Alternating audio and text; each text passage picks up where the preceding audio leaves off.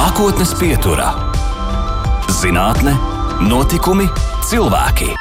Un vēlreiz labvakar studijā Baiba. Šoreiz nākotnes pieturas vadotīs būs atgriešanās, jo atkal jau jaunāko ziņu ikdienas klāstā līdz ar to arī mūsu prātos regulāri iezogas informācija par covid statistiku, kurš atgriežas pārsteidzoši strauji, un tikmēr pandēmijas stingro ierobežojumu mazināšanos izmanto tomēr mūsu diasporas tautieši, kuri steidz satikt savējos un vasaras brīvlaiku baudīt Latvijā.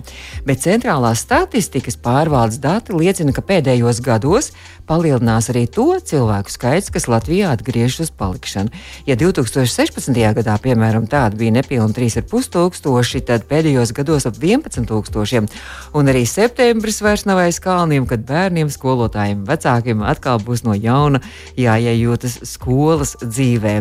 Kā emocionāli, komfortabli atgriezties skolas dzīvē, kā esam jutušies pandēmijas ēnā vai situācijas un sajūtas draud atgriezties un kā Latvijā no jauna un iedzīvojas tie, kas atgriežas pēc vairāku gadu prombūtnes. To pētīs nākotnes pieturas viesņa Latvijas Universitātes profesora, pedagoģijas, psiholoģijas un mākslas fakultātes vadošā pētniece, psiholoģijas doktora Baiva Martinsone. Un vēl var piebilst, ka Baiva ir gada psihologs 2021 nominācijā par ieguldījumu psiholoģijas zinātnes attīstībā. Labvakar! Labvakar. Tāds garš pieteikums un gari jums tituli bija, bet jāsāk ar to, ka faktiski jūs psiholoģijā nu nācāt no bioloģijas bioloģijas laikam. Jā, tā bija. Jā, tā patiešām bija. Es uh, pabeidzu bioloģijas fakultāti kā bioloģijas un ķīmijas pasniedzēju.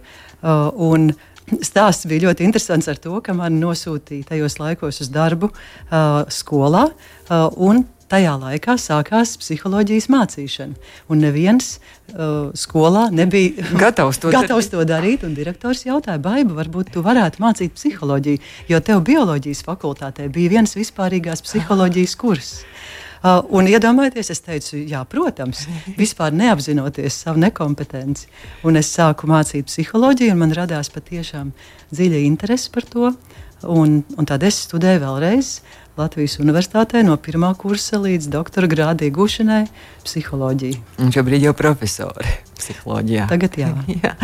Runājot par to, par to mācīšanu, ka šobrīd jūs arī vadat arī eh, dažādas disertācijas un arī maģistra darbus vadat arī saviem studentiem un dažādas viņu projekts jā. arī. Un, un viens ir visai interesants par to atgriešanos, tā, tā, tā caurvī tēma mums šodien ir.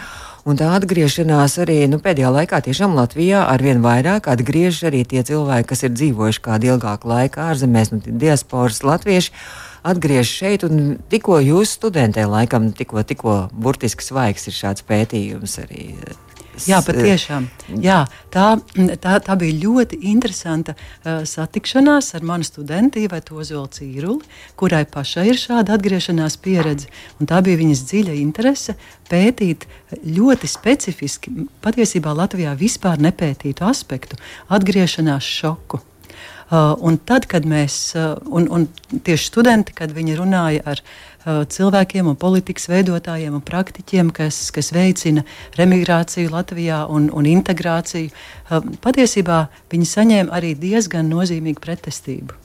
Apmēram, nu, tā ideja mums ir, ka tie cilvēki zina valodu, viņi, tā ir viņu dzimtene, viņi atgriežas un, un, un visam vajadzētu, un būt, visam kārtībā. vajadzētu būt kārtībā. Un, un skolās ir līdzīga problēma, ka mēs bieži vien reducējam to iejušanos skolā. Uh, tikai uz to, vai tas bērns zina pietiekami labi valodu. Ja tu nodzīvoji piecus gadus Anglijā, bet ja tu vēl pietiekami labi zini latviešu valodu, tad tas ir galvenais. Uh, un mēs ignorējam psiholoģiskos aspektus. Uh, un šajā Ivetas maģistra darbā izrādījās, ka atgriešanās šoks uh, to piedzīvo vairāk kā tātad paaugstinātu atgriešanās šoku piedzīvo vairāk kā puse no tiem cilvēkiem, kuri piedalījās pētījumā. Un, ja skatāmies vidēju un augstu, ja virsvidējā šoku, tad tur jau ir pie 83%, kas šo saka. Uh, un tas atgriešanās šoks ir nevis tas pats, ko mēs sauktu par kultūras šoku, jo kultūras šoks ir tad, kad tu ierodies svešā kultūrā, mm. svešas vērtības, sveša zīmju sistēma, bet atgriešanās šoks. Kā pie savējiem. Jā, kad tu atgriezies atgriezies savā pazīstamajā vidē, pazīstamajā zīmju sistēmā, bet tu jūties tur svešs, tu vairāk uh, neiedaries tur, un tur ir kādas izmaiņas notikušas. Līdz ar to šis aspekts, ka patiesībā cilvēki, kuri arī uh, ne jau visi atgriežas optimisma ar tādā spārnoti, jo ir arī cilvēki, kuri atgriežas tāpēc, ka dzīve neizdevās. Uh, bet, jebkurā gadījumā, atgriešanās šoks ir ārkārtīgi nozīmīgs aspekts, kas jāņem vērā. Tam ir, tam ir tendence mazināties ar laiku. Un ļoti svarīgi, kādus tādus pārvarēšanas veidus tie cilvēki izvēlās. Vai viņi ir vairāk optimistiski vai pesimistiski, vai vairāk aktīvi vai pasīvi.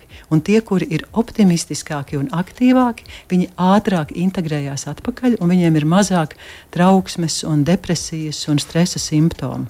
Bet kāpēc ir tas šoks? Viņi jūtas tomēr kā lieki, it kā no malas viņi atgriežas, ka viņus tomēr neviens negaida. Šeit, kas, kas ir tam šokam iemesls? Liela daļa uh, tieši jūtas, ka viņi ir ļoti gaidīti, un arī mūsu uh, nu, politika ir uz to, ka mm -hmm. brauciet, atgriezieties mājās, mēs jūs gaidām.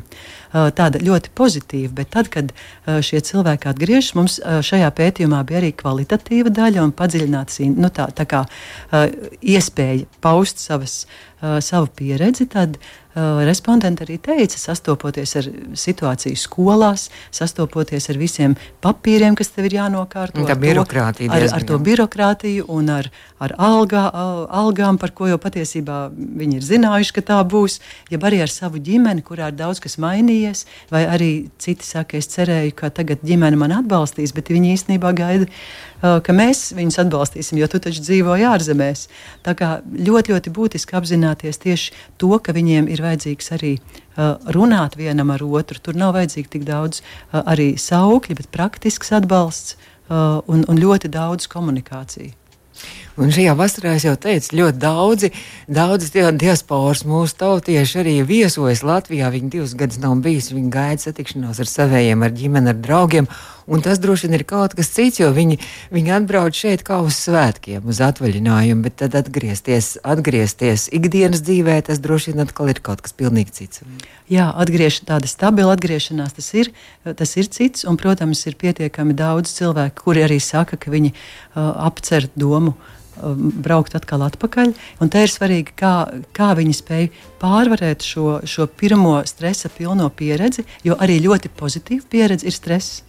Uh, kā viņi spēj to integrēt uh, un, un teiksim, kādā veidā. Jo ir tādi cilvēki, kuri arī saka, ka viņi jūtas, ka viņu pieredze uh, netiek šeit novērtēta. Un to neviens viņa tepat nejautā, ka viņi nevar likt lietā to pieredzi, kas viņiem ir. Citi atkal uh, nu, labi, negatīvāks variants būtu, ka tas cilvēks ierodās un viņš jūtās tā, ka te nekas nenotiek pareizi, un es tagad uh, negatīvā veidā visiem parādīšu, kā lietas jādara. Tas arī traucē. Uh, iejušanos. Bet nu, šajā gadījumā tādi, tādi cilvēki mazāk bija šajā pētījumā. Tagad droši vien mums arī visiem pārējiem, kas šeit uh, visu laiku dzīvo, ir jāpievērš uzmanība un arī jābūt varbūt, saudzīgiem un jāpalīdz iejusties, ja mēs pazīstam kādu šādu cilvēku vai radu vai draugu. Arī. Nu, galvenais vispār apzināties, ka šāda, šāds psiholoģisks aspekts ir mm -hmm. uh, patiešām ir un pastāv. Lai nav tā, ka mēs uh, kā politikas veidotāji domājam, ka, ka galvenais ir atbraukt mājās un tad jau viss nokārtot sakārtosies uh, un gan jau iejutīsies. Mm. Un tas nemaz neizklausās smuki, kas tev tas par šoku, tu pats atgriezies atpakaļ savā dzimtenē. Mēs turpināsim pēc brīža. Mēs turpināsim jau par atgriešanos skolā, par atgriešanos, varbūt arī beigās atgriezīsimies arī Covid-19. Nākotnes pieturā - zinātne, notikumi, cilvēki. Un turpinām nākotnes pieturu mūsu studijas viesiņa. Šodien ir gada psihologs 2021 Latvijas Universitātes profesora Baiba Martinsona. Un tad nu, mēs runājam par to, jā, ka nu, nu jau kurš augusts, 4. augusts. Vairs nepilns mēnesis un jāatgriežas skolā. Un jūs ļoti daudz savos pētījumos arī esat pievērsies tieši skolai, eh, mikroklimatam, skolā, garīgajai veselībai un arī daudz kam citam. Un tie ir vairāk pētījumu un vairāk projektu, starp citu arī starptautiski laikam arī projektu. Un jūs teicat, ka tikko, burtiski tikko viens ir nopublicēts eh, ļoti prestižā starptautiskā arī žurnālā. Jā, pētījumiem. tie, tie pētījumi, kas saistās ar skolu, nu, tas patiesībā ir tas centrālais uh, mana darba kodols. Jūs jau redzat, kā es smaidu, tas man sajūsmina, es tiešām redzu tam jēgu, uh, un, un tas ir visi mani pūliņi uz to arī vērsti. Jo jūs minējāt skolu.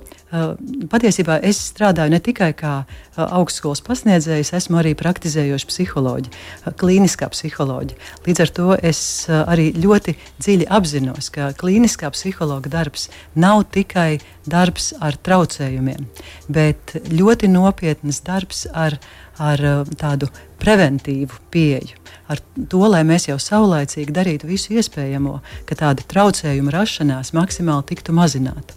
Un viena no brīnišķīgām vietām, kur to var darīt, tā ir skola. Tāpēc arī skolā mēs, mēs sākām ar jau pasaulē eh, patiesībā zināmu pieeju, kas saucās sociāla emocionālā mācīšanās. Jā, ko tas nozīmē? Jā, tas nozīmē, ka tā galvenā paradigmas maiņa ir tā, ka skolā ir jādod ne tikai akadēmiskās zināšanas, ne tikai šis spiediens uz atzīmēm, uz reitingiem, uh, uz līmeņiem, uz, uz kaut ko uz kā, tikai uz gudrību. To es lieku pēdiņās. Uh, bet jāattīst arī personība. Sociāla emocionālās prasmes, tās ir spēja saprast pašam sevi, spēt sevi pārvaldīt, kontrolēt savas domas, emocijas un uzvedību, saprasties ar citiem, veidot attiecības, būt empātiskam, sadarboties ar tiem, kuri tev nepatīk, atrisināt konfliktus, izturēt tos viedokļus, kuriem tu nepiekrīti. Pieņemt atbildīgus lēmumus. Jūs dzirdiet, patiesībā tas, ko es saku, tas ir dzīvei absolūti nepieciešamas prasmes, mm -hmm. jo tavas akadēmiskās zināšanas tās dod tikai potenciālu, tās dod tikai kapacitāti, kas varētu būt. Bet so, sociāli emocionālās prasmes, tās atraisa to potenciālu. Un tev ir jāvar komunicēt sava gudrība.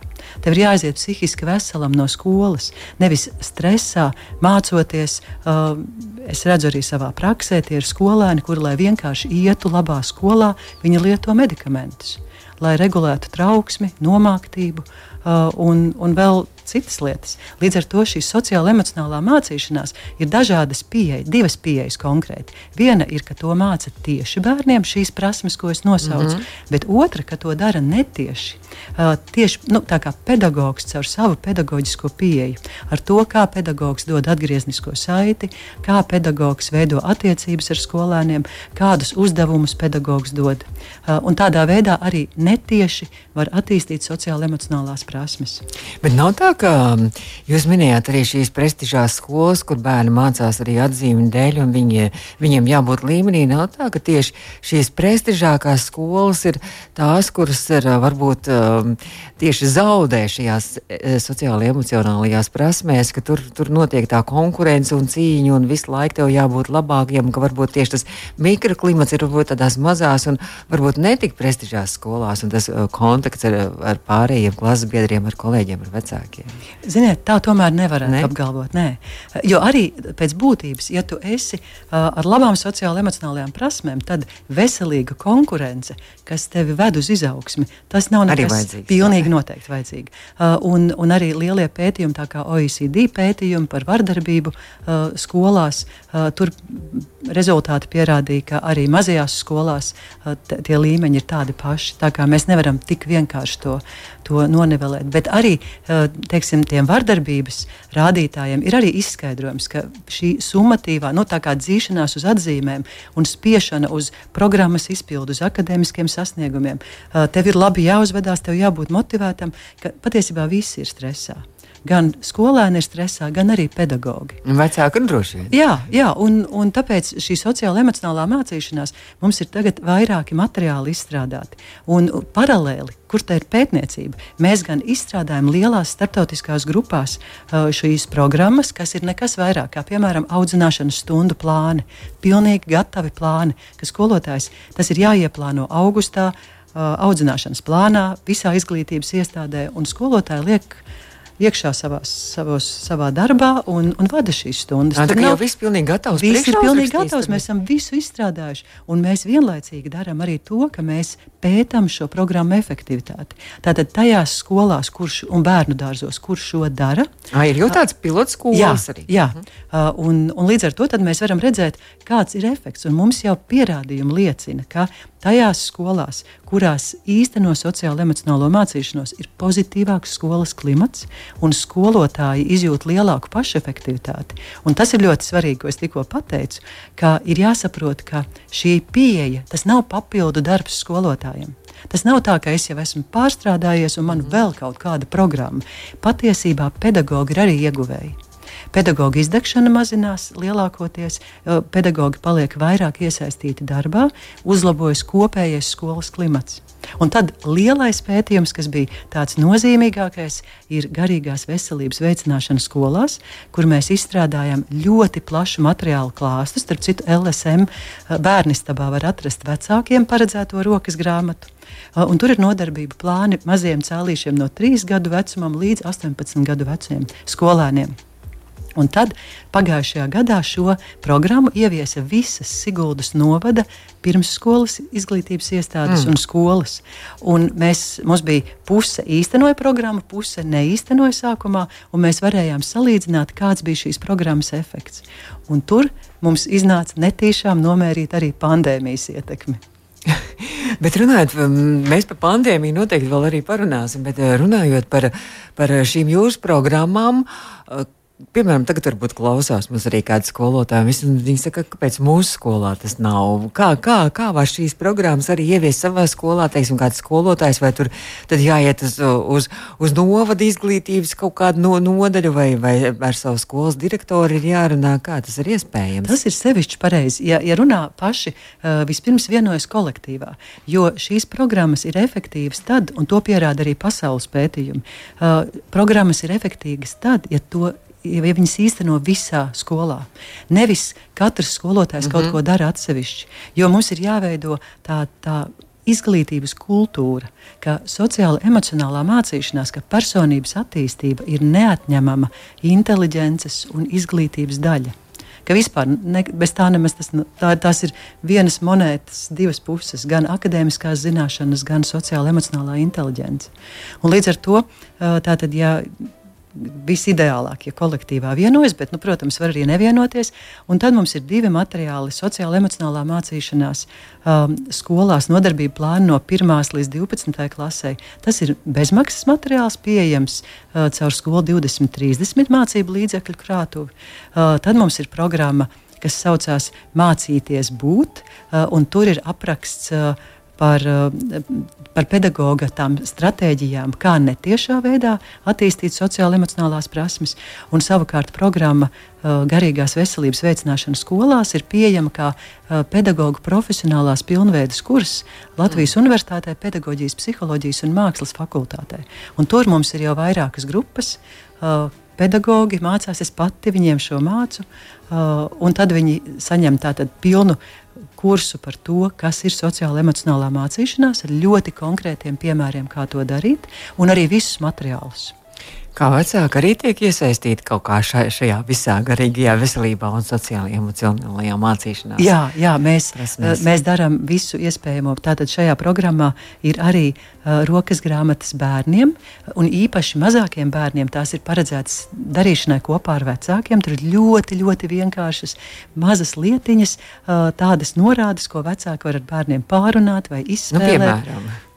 Nu, nu, piemēram, kā, kā vecāks var mācīt bērnam, un tas tā lietas lielais mērķis būs preventīva pieeja, lai bērns iemācītos noturēt uzmanību, lai būtu mazāk hiperaktivitātes un un konsekvence būtu mazāks ekrāna laiks un sēdēšana telefonā. Mm -hmm. Piemēram, tas ļoti aktuāli. Jā, tad, jā. kad tu esi ar savu vecāku kaut kur un tev ir drusku jāgaida, tad pievērs uzmanību, piemēram, lietām, kas, kas ir sarkans vai, vai kas ir apaļš. Tātad mācies pārunā un pievērš uzmanību lietām. Nevis tikko tu aizēji un tev ir jāpagaida vienu, viena minūte kaut kur, visiem ir ārā telefons mm -hmm, un viss mhm, skatās ekrānā. Kad tu iemācies būt ar sevi, izturēt sevi, un tas pats ir arī, kad mazie bērni aiziet ciemos viens pie otra uz jubileju.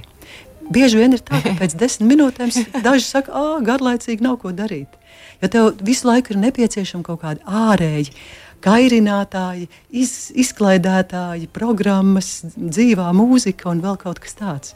Tā kā šādas pavisam mazas lietas, un tad ir vecākiem rokas grāmata. Bet tas tā kā spēlītas, piemēram, tā, tā, tā rotaļa arī tas tā sarkanā. Jā, jā, jā, absolūti.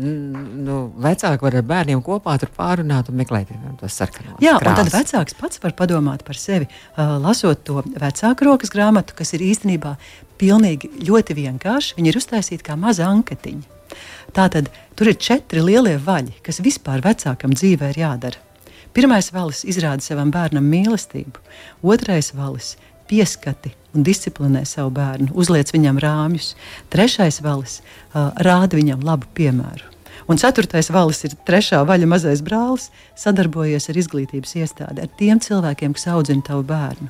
Un tad vecāks var šajā mazajā grāmatiņā paskatīties, kā, vai es zinu, kā sauc mana bērnu skolotājs. Ah, zinu, ļoti labi. Varu ievilkt ķeksīt. Vai, vai es zinu, kur mans bērns šobrīd atrodas? O, oh, zinu, ļoti labi. Bet tikpat labi, vai es zinu, kas manu bērnu visvairāk interesē šobrīd? Hmm, patiesībā es neesmu nemaz tik droši. Ļoti labi iespēja parunāt ar bērnu. Mm -hmm. Galvenais ir uh, sekot līdzi un arī runāties un, un, un arī komunicēt. Arī tas jā, ir ļoti jā. svarīgi. Mēs turpināsim pēc brīža mūsu sarunu Baiba Martinsona Latvijas Universitātes klīniskā psiholoģija. Uh, Jā, es esmu profesors klīniskajā psiholoģijā, psiholoģijā un, un, un vadošā pētniece izglītības psiholoģijā. psiholoģijā. Nākotnes pieturā. Turpinām nākotnes pietura psiholoģijas profesora Baiva Martinsona ir mūsu viešņa, un mēs jau pamazām arī nonācām pie tā, ka, jā, diemžēl rudens atgriežas ar iespējamu covid atkal, par ko jau mēs mazliet jau uztraucamies un domājam, un tagad jau arī visi tie skaitļi un statistika aug, un jūs arī esat piedalīsies savulaik uh, valsts pētījuma programmā arī par tieši par Covid dzīvi ar Covid, un, un tieši arī laikam vairāk kas reducējās arī uz skolām, uz izglītības sistēmu, arī uz ģimenēm. Laikam arī bija šis, šis pētījums, uh, kur jūs pētnieku grupā piedalījāties, un tur vēl bija pat salīdzinājums arī ar, ar, ar, ar ārvalstīm. Tas ir interesanti, kas, kas droši vien arī mūsu klausītājiem varētu būt arī interesants. Nu, tad par to Covid runājot, uh, ko jūs pētījāt? Jā, ziniet, ar Covid uh, sākās lieta tā, ka man ir arī uh, diezgan plaša startautiska sadarbība tādās pētījumu iniciatīvās, kas nav nekādi atsevišķi projekti, kas nav ar finansējumu, uh, bet mēs esam kolēģi, kas sadarbojās dažādos kontinentos, tad radās Japānas kolēģiem no Tokijas Universitātes ideja pirmā pandēmijas viļņa laikā pētīt ģimeņu stresu. Uh, un mēs veicām arī Latvijā šo aptauju, un Latvijā mēs savācām ļoti, ļoti daudz datus. Vairāk kā 2500 ve bērnu vecāki mums atbildēja, un mēs dabūjām arī ļoti, ļoti uh, nu, daudzveidīgus tos atbildētājus, kas, kas nav tikai tie, tie aktīvie cilvēki, kas mm -hmm. vienmēr piedalās. Uh, un tad mēs pētījām kas tad sagādā ģimenēm un tieši kādām ģimenēm bija vislielākais stress.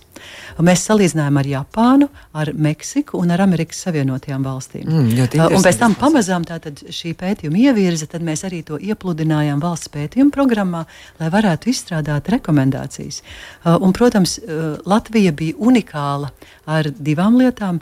Mums vienīgajiem bija ļoti augsts stress vecākiem saistībā ar attālinātajām mācībām, jo mums bija sava specifika, kā Latvijā mēģināja noturēt attālinātās mācības, maksimāli visu izdarot un maksimāli līmeni arī noturot. Tātad noturot to līmeni, jā. Un, un otrā lieta, ka Latvijā bija ļoti laba, labs tomēr palīdzības tas gross. Mm. Ne visiem, kuriem to vajadzēja, bet tai pašā laikā citās valstīs tik laba palīdzība nebija. Un kāds, kāds bija ļoti svarīgs secinājums, ka patiesībā lielāko stresu pandēmijas laikā piedzīvoja jauni vecāki. Un parasti šie cilvēki mums bija tātad uz sociālajām grupām vērsts, uz sociāli neaizsargātajiem un uz daudzbērnu ģimenēm pamatā vērsts atbalsts. Pandēmija iezīmēja to, ka riska grupā tieši bija jaunie vecāki, kuri lielākoties nebija ar trīs bērniem vēl, kuri gāja darbā, kuriem viņi nekvalificējās atbalstam. Un, lai cik interesanti tas arī nebūtu, arī pirmajā pētījumā par remigrāciju arī lielāku atgriešanās šoku piedzīvoja jaunie jau, gados jaunāki cilvēki. Ar ko tas skaidrojams? Tas, tāpēc, ka viņiem ir visticamāk vi, mazāka krīžu pieredze savā dzīvēm kā tikt ar to galā. Varbūt arī mazāks atbalsts, jo viņiem tā kā liekas, nu, kas tu jau jauns, tev jau tev viss kārtībā. Un līdz ar to arī no šī Covid pētījuma mēs sapratām, un viena no rekomendācijām bija, ka ir ārkārtīgi nozīmīgi, uh, ja atkal ir, ir šāda veida krīze, atbalsts pienākas pilnīgi katram vienam bērnam. Pat ja tas ir vienīgais bērns ģimenē, Uh, un nav svarīgi nekādi citi. Bet kāda veida atbalsts, uh, materiālais atbalsts, vai tā, piemēram, ēdināšana jau tur bija, jā, ka pacīs dalīja ēdienu pacīs. Un tā, ka, jā, un materiālais un, atbalsts, un, un arī, teiksim, tur, kur bija uh, bērnu pieskatīšanas iespējas, jo, jo mēs bieži vien nenovērtējam, nu, liekas, jauns vecāki, divi jauni vecāki ar, ar diviem maziem bērniem, un ka tā tomēr ir jaudīga, vesela, laba ģimene, viņi patiesībā tātad piedzīvoja lielākas grūtības grūtības. Un tas pats bija arī Rīgas Stradiņa universitātes uh, kolēģu pētījumā, kas arī bija valsts pētījuma programmā. Arī viņi pierādīja, ka jaunāku uh, cilvēku partnerattiecībās bija vairāk vardarbības mm -hmm. risks pandēmijas laikā. Bet ja arī mēs runājam par stresu, es nevaru nepateikt tieši vienu zinātniskās pētniecības lietu. Tā ir problēma, kad mēs runājam par pandēmijas ietekmi. Jo sākumā, tad, kad pandēmija tikko sākās, mēs runājām, nu, kā mēs varējām zināt, kāda ir pandēmijas ietekme. Mēs vienkārši jautājām. Mēs jautājām jauniešiem, kā tu jūties. Mēs jautājām šiem vecākiem, cik liels ir jūsu stress. Un, ja jūs salīdzināt ar to, kā jums pirms tam gāja, un dzirdiet, patiesībā tas ir subjekti, subjektīvs, tāds retrospektīvs salīdzinājums. Jo, ja, ja man šobrīd neiet sevišķi labi, man liekas, ka manas mm -hmm. vecās problēmas tas jau bija tīrais nieks, bet tas nav zinātniski pamatot izdarīt secinājumu, ka man pandēmijas rezultātā ir palicis sliktāk. Un ir tikai viens veids, kā tu vari pētīt pandēmijas ietekmi, un to sauc par longitudinālu pētījumu. Tas nozīmē, ka tu šo, šos cilvēkus uh, novērtē viņu nu, stresu vai, vai labklājību pirms pandēmijas, ja vienā pandēmijas punktā, un pēc kaut kāda laika tu nomēri vēlreiz tiem pašiem cilvēkiem tieši to pašu. Un pēc tam tu salīdzini, kādā veidā uz pandēmijas fona šie rādītāji tam pašam cilvēkam ir mainījušies. Un te mēs varam lepoties. Mums Latvijā ir viens pasaules līmeņa pētījums, kas saistās tieši ar programmu garīgās veselības veicināšanu skolās. Par jo, mēs runājam? Jā, es jau jums to jā. minēju, jo tā tad mums bija puse, puse no, no dalībniekiem, kuriem ieviesa šo programmu, un mēs redzējām, ka programma garīgās veselības veicināšana skolās ir kā buferis, kā aizsargājošs faktors pret pandēmijas negatīvo ietekmi. Bet mums bija arī tā sauktā kontrola grupa, tā, kas bija gaidīšanas režīmā. Tas nozīmē, mēs viņus aptaujājām, un mēs aptaujājām bērnus, viņu vecākus un viņu pedagogus. Tas nozīmē, mums bija trīs informācijas avoti. Un mēs tātad viņus aptaujājām 2020. gada rudenī. Tad, kad sākās, Vēl nebija pandēmija. Nē, tad Vai? jau sākās ah. nākamais, tas jau bija uh, jau ah. otrais mhm. -huh. pieejams, kad visi sāka aiziet lielie uz attālinātām mācībām, ah, jā, jā. kas patiesībā mhm. līdz 21. gada maijam neiznāca ārā no attālinātajām mācībām. Un tad mēs šos pašus cilvēkus aptaujājām aprīlī, maijā. Un līdz ar to mums bija visi šie mēneši, un mēs varējām redzēt, kas notika ar līkni pandēmijas laikā. Pie tam mēs salīdzinājām arī ar divām citām Eiropas valstīm, ar Itāliju un ar Portugāli. Un, un tad izrādās, jā. Tad izrādās ka, ka patiesībā uh, tā nav tādā lielā izlasē, uh, nav tik liels negatīvs efekts.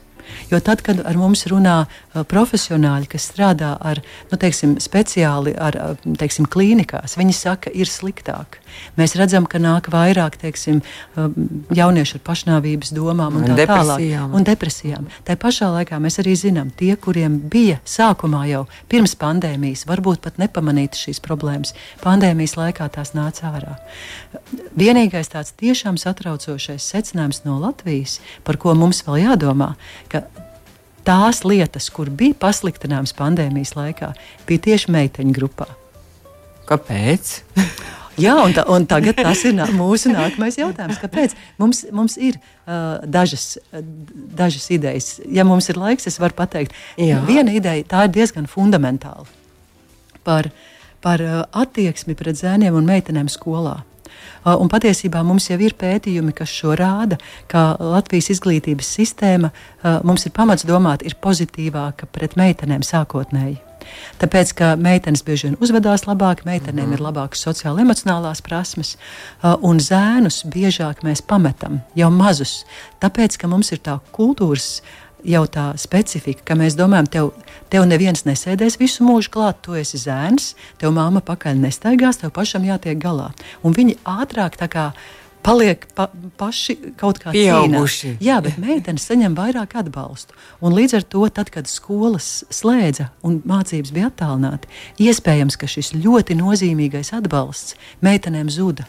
Jo skolas ir ārkārtīgi svarīgs resurss uh, mm -hmm. psihiskās veselības veicināšanā tieši arī pandēmijas apstākļos. Tad tas ir viens, un otrs, kā uh, tad, kad bija aizliegtas telpu ārpus skolas nodarbības, uh, bet varēja notikt ārā. Nu, ārā, ārā. ārā. Un, un iespējams, ka zēniem ir vairāk šīs nodarbības. Um, futbols, mm. uh, sportiņš, meitenēm ir koris, mākslas skola, muzikas mm. skola, varbūt, un, un varbūt nebija arī šis aizsargājošais faktors. Jā, tas ir interesanti. Bet tad salīdzinājumā ar pārējām valstīm, vai viņiem arī bija, mm, jūs sākāt par to, ka šis stress ir lielākais bija par to attālināto mācīšanos. Kas sagādāja lielāko stresu, piemēram, Amerikā vai tajās Eiropas citās valstīs? Nu, Meksikā vislielākais stress bija uh, saistībā ar ekonomisko labklājību. Amerikā bija milzīgs stress saistībā ar drošību, ar distancēšanos un, un bažām uh, inficēties. Tāpēc, to var izskaidrot uh, tādā veidā, ka viņiem bija daudz sliktāka epidemioloģiskā situācija tajā laikā, mm -hmm. pirmajā vilnī. Savukārt, tagad šajā uh, longitudinālajā pētījumā, ko es minēju, uh, mēs salīdzinājām arī Latvijas datus ar Itālijas datiem, un Itāļiem bija vairāk dažādu pasliktinājumu pusauģiem. No 11 līdz 16 gadiem mēs mērījām bērniem tātad vairāk pasliktinājumu nekā mums. Un viens izskaidrojums ir arī no tā, ka viņiem bija sākumā ļoti dramatiska situācija, mm -hmm. ko, ko mēs saucam par, nu, par, par nāves ekspozīciju. Tas nozīmē, ka viņi daudz ilgāk tika konfrontēti ar to, kas notika. Jo Itālijā praktiski katrs zināja kādu pirmajā vilnī, kas ir miris skolā, skolotāji, ģimenēs, kaimiņi.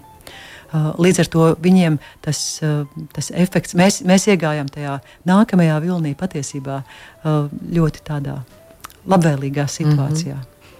Tā kā īstenībā, ja tādi secinājumi ir jāizdala, jāizdara, tad uh, Latvijā mēs salīdzinoši vēl uh, teiksim, emocionālajā un psiholoģiskajā ziņā tikām salīdzinoši labi galā ar šo pandēmiju. Jā un, arī, jā, un arī tas, ka tikko tu pēti, tikko tas, tā, nu tā, tas stress sākās, vienmēr tā, tā liekne ir zemāka, tas pirmais iekritiens, un tad pēc mm. tam jau pamazām tu sāc adaptēties. Līdzīgi arī kā ar rem, remigrāciju. Tas atgriešanās šoks pirmajā brīdī ir varbūt tas tāds uzrāviens par atgriešanos, un tad ir tas iekritiens, un tad pamazām tas mm -hmm. atkal izlīdzinās. Bet runājot par, par to, ko mēs varam gaidīt, vai ir kaut kādi izaicinājumi, kas, kas mums tagad jau vasaras nogalē un šajā rudenī, ko jūs saskatāt, nerunājot tikai par pandēmiju, vien mūsu dzīvē? Vai, man liekas, lielākais izaicinājums ir, ir noturēt uh, pozitīvu un aktīvu prātu uh, un atvērtu prātu un uzņemties atbildību arī par to, kā mēs jūtamies. Jo ir tik ļoti daudz, kas, par ko varētu arī sūkstīties un vaimanāt, un arī pavisam objektīvi. Bet tajā pašā laikā ir jāsaprot, latviešiem ir tāds brīnišķīgs vārds daudzināt. Man liekas, lielākais izaicinājums ir, ir beigt daudzināt uh, negācijas, nemaltās dzirnavas. Vienkārši nemal, jo tad, kad tu malsi, tad milti būs arvien vairāk. Un, un uzņemties to sajūtu, ka arī tad, kad patiesībā sociāla emocionālā prasme, uh, savu emociju pārvaldīšana, tas nozīmē ne tikai apvaldīt un pareizi izpaust dusmas, nu, varbūt ne pareizi, bet atbilstoši, bet tas nozīmē uzturēt arī priecīgu prātu. Mm. Tas nozīmē arī uh, radīt savu normālu pašsajūtu tad, kad ārēji nekas nenotiek kad nav nekā laba, kas mani sevišķi iepriecina. Man liekas, tas ir liels mm. izaicinājums. Bet tad, kad notiek šīs, nu, teiksim, arī pasaules kontekstā un viss, kas, kas šobrīd notiek, šī situācija, kā ar to visu mēs samierināsimies un tikt galā? Nu, jā, jo lielāka, es teiktu tā, varbūt pār, diezgan filozofiski, jo, jo lielākas ir jukas un jo neiedzīgāk uzvedas uh, citi, jo lielāka ir individuāla atbildība turēties rāmjos un darīt pareizi un dzīvot sakarīgu dzīvi. Tā kā mēģinām turēties rāmjos, sakarīgi dzīvot un arī vairot uh, sevī šīs arī pozitīvās un arī prieka emocijas, acīm redzot, vai ne? Tas būtu brīnišķīgi. Līdz ar to arī citos. Jā, es saku lielu, lielu paldies jums, ka jūs atradāt laiku. Uh, šovakar pie mums šeit studijā ierasties uh, nākotnes pieturas viešņā mm, psiholoģi, psiholoģijas uh, profesore, doktore Baiva Martinsona. Un jāsaka lielu paldies jums! Un... Izskan nākotnes pieturā.